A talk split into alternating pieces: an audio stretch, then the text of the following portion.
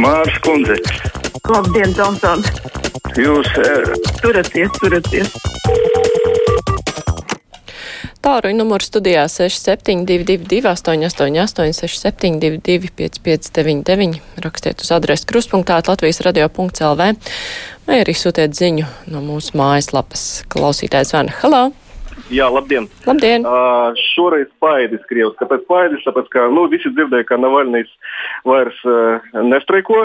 Tagad viņš ēd, tas ir kārtībā dzīvos, bet skatieties, viņš tāds atkal it kā negrasās nomirt.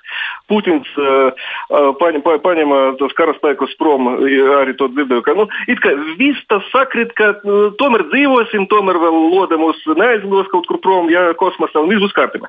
Un tas noved mani, personīgi man tas noved pie domas, ka tomēr varbūt viņi sarunājas.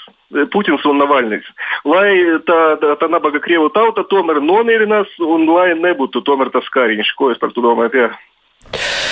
Es nezinu, tāda versija, protams, ir, ka viņi varbūt sarunājās, bet eh, tajā pašā laikā, nu, ņemot vērā, ka Navalnijas tik ļoti riskējas ar savu dzīvību, tad es nezinu, vai viņam ir īpaši droši sarunāties ar Putinu.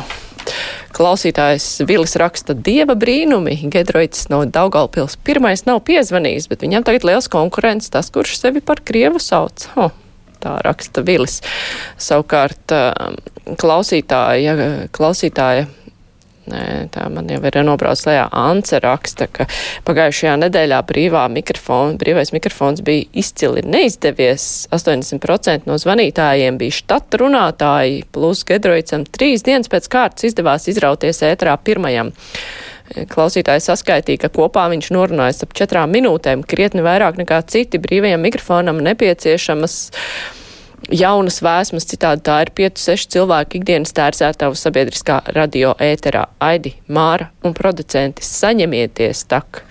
Nu, re, nu tā te notiek, mums tas, kurš izraujas tajā ēterā, tas izraujas. Mums producents ar nav uz vietas, kurš varētu mēģināt sijāt zvanus un teikt tiem daudz zvanītājiem nezvaniet tak, bet, nu, tagad kurš piezvan, tas piezvan. Klausītājs zvan, halā! Labdien! Labdien. Nu, pie tiem, kas dzer Coca-Cola, nav jēgas. Es gribētu vēsties maz pie tiem, kur to izmanto aizsējušo kanalizāciju cauri tīkšanai un tā kā apkarošanai. Un gribētu ieteikt turpmāk lietot citus līdzekļus, ko nemaz nav sliktāk. Es pamatošu. Nesen Coca-Cola paziņoja, ka republikāņu partijas uzstādījums, ka vēlēšanās visiem obligāti būtu jāuzrāda personas apliecības, esot rasistisks. Kāpēc? Zināms, daudzos štatos, kur bija nozagts vēlēšanas. Tādā veidā un pat vairākas reizes no vietas par Baidenu nobalsoja Melnādaiņu, kur bija pazaudējuši dokumentus, vai viņiem kā nelegāliem to nebija vispār. Mm -hmm. Nu, skaidrs, labi.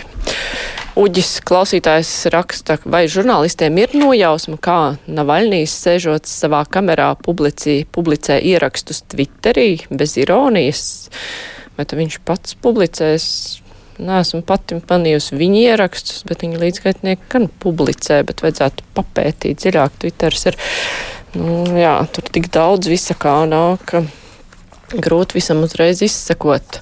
Klausītāja Agnes raksta briesmīgi, ka durbē nosaldēti mazie ērglēni, nežēlīga dabi, daba, ērgļi vai tomēr cilvēki. Kameras uzstādīja, bet par barību neviens neparūpējās.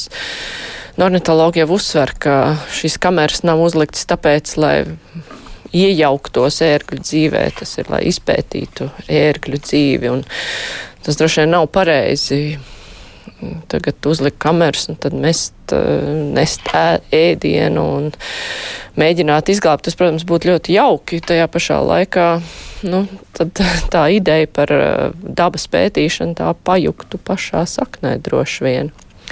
Klausītājs raksta, man ir piedāvājums 9. maijas nāk, tāpēc man ir plāns, tā kā daudz cilvēku dosies pie tā pieminekļa, Latvija varētu iepirkt spuķņika vakcīnas un tur savakcinēt, vakcinācijas tempi ietu uz augšu. Nevar iepirkt spuķņika vakcīnas, nav Eiropā viņas vēl akceptētas. Klausītājs zvana, halo! Labdien! Labdien! Mēs šodien lasīju šo ceturto studiju tur uh, komentēja par smagajām mašīnas, ka ceļu bojā un tur svaru un ko tur Nu, laikam tas cilvēks sēž pie galda un nav vispār uz ceļa bijis. Paskatieties Rīgā, kur braukā ļoti daudz kravas mašīnas, autobusu pieturas saucās. Jā? Tur brauc tikai autobusi. Un tur ir tādas visas iedzītas iekšā. Tur tāds pārsvars, laikam, briesmīgais ir. Vienkārši nevajag naudu pa kabatām bāzt, bet vajag likt iekšā tur, kur viņi jāliek ir uz ceļa, kā saka, remontēt. Jā, nu, paldies par viedokli. Klausītājs Imants raksta, mēs ar kundzi esam sašutuši par valsts policijas tukumu iecirkņu vadību, bezdar, vadības bezdarbību, necenšoties nopietni izmeklēt notikušo smago noziegumu par jauniešu slepkavības mēģinājumu. Tas rada bažas par drošību tukumā vispār. Vajadzētu steidzami veikt nopietnas pārbaudes tukuma policijā. Jā, šim notikumam noteikti ir jāpievērš ļoti liela uzmanība, gan pētot par to, kas tur bija pirms tam, kā policija rīkojusies un, un arī kā rīkosies tagad.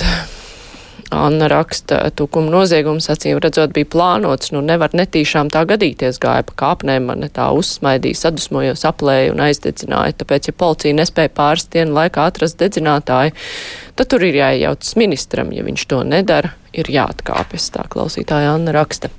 Mums klausītājs zvana, halā, Jā. Labdien. Runāt, jā. Jā. Eh, Labdien!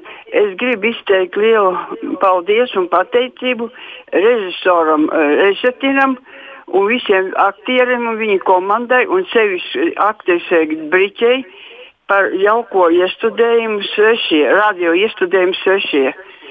Tas bija ļoti jau, augstā līmenī, un me, es ceram, ka vēl sagaidīsim režisora Resetīna ja, jaunos, iest, vēl jaunus iestudējumus, lai viņam veicās visu to labāko, jo raidījums bija augstā līmenī.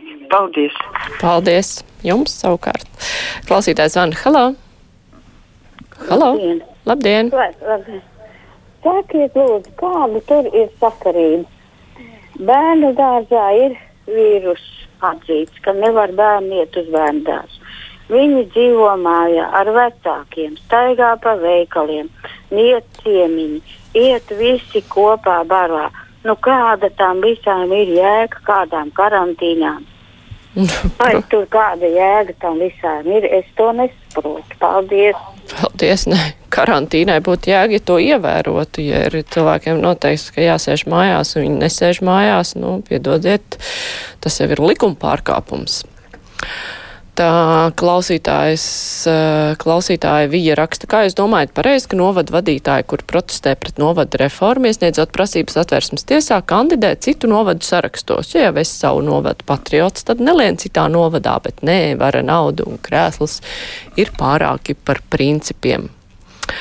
Tā savukārt Rūta raksta pagājušo nedēļu sacepos par vakcinācijas organizāciju. Mana vecvecmāma, kurai 96 gadi vēl nav saņēmusi vakcīnu, tad vakcīnas atved visiem nepietika. Tajā pašā laikā par blatu vakcinē visus, kuriem ir pazīšanās. Nu jā, ir vēl aizvien tādas kaut kādas jukas ar to vakcinēšanos. Klausītājs vana, halā! Labdien! Labdien! Es uh, gribēju tā pateikt par tās Latvijas uh, situāciju patreiz. Vai, Lat vai žurnālistiem nevajadzētu uztaisīt analītisko raidījumu, kāpēc Latvija visus šos 30 gadus ir pēdējā Eiropas Savienībā? Pēdējā starp Baltijas valstīm. Kur ir palikuši šie 15 miljardi? Kāpēc mēs neattīstamies? Jā, paldies.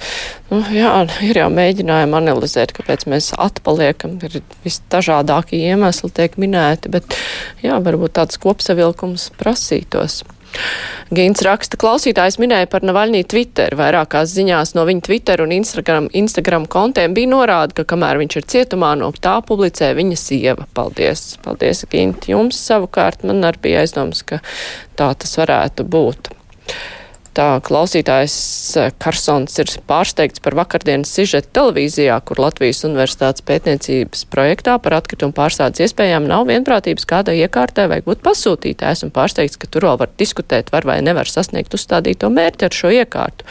Manuprāt, Latvijas sabiedrībā īstenībā ir maz informēta, ka pētniecības projektos izlietotā nauda dod pienesumu Latvijas ekonomikai. Sabiedrībai būtu jāzina, cik zinātniskie pētniecības projekti tiek beigās realizēti darbojošās iekārtās un kāds pienesums Latvijas ekonomikai tas ir.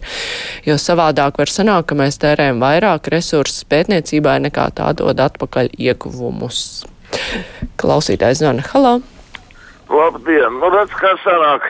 Cīm redzot, tiem, kas latviešu tautu grib iznīcināt, es tiešām esmu kā administrācija, viņam nav pirkums pat uzskaitīt katru sekundi, ko es runāju. Nu, bet man arī ir demokrātiskas tiesības, tāpat kā viņiem, un es tās izmantoju. Viņiem pašiem acīm redzot, nav ko teikt, tāpēc viņi neko citu nevar kā tikai mani nozākāt. Nu, kas attiecas uz Navaļņu, tad tas, ka viņš pārtrauca bāta streiku, jo atkal kārtīgi reizi parāda, ka tas teātris vien ir bijis un īstam viņš nemaz netaisās pret Putina režīmu cīnīties, un kas attiecas uz notikumiem Tukumā, nu tad nerietosim mēs to apzīmējumu homofobu. Mm -hmm, jā, es pat neturpināšu par Navaļniju arī.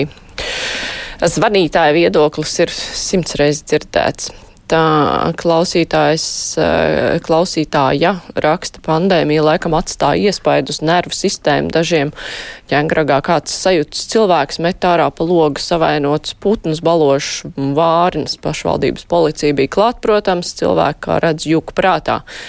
Citam homofobija, bet citam fobija pret putniem. Trakums pilnīgs.